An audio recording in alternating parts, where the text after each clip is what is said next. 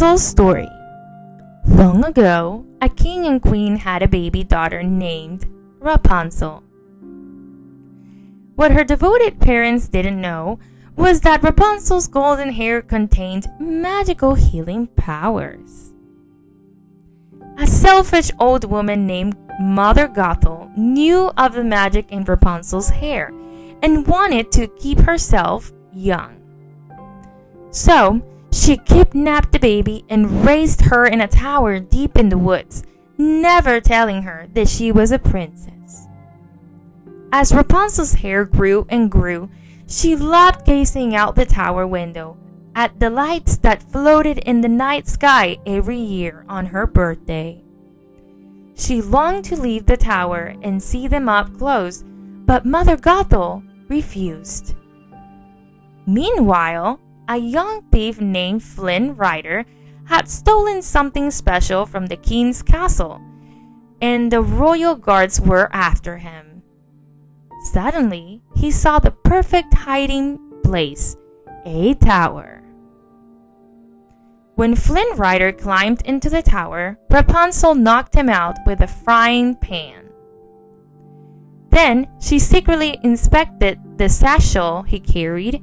Inside, Rapunzel found a sparkling gold object, and it was so familiar. Flynn Rider awoke and found himself tied to a chair with Rapunzel's long golden hair.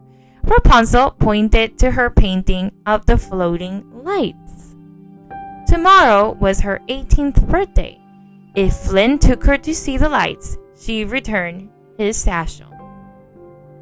After Flynn agreed to help Rapunzel, used her hair to climb down from the tower. She never been outside before.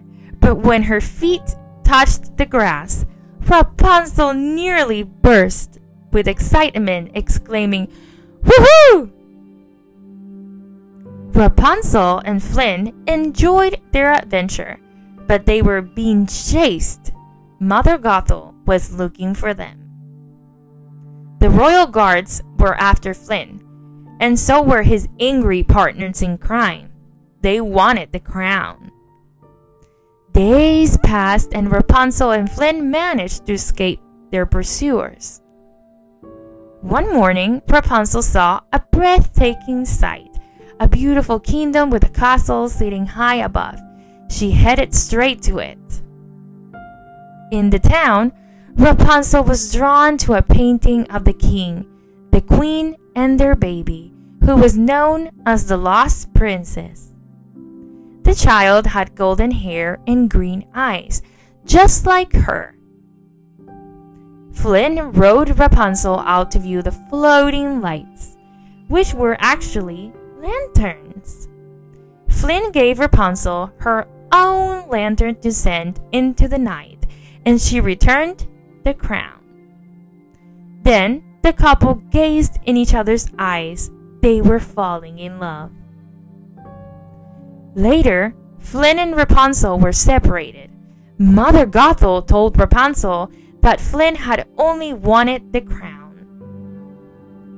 But she realized Mother Gothel was lying. Rapunzel now knew that she was the lost princess.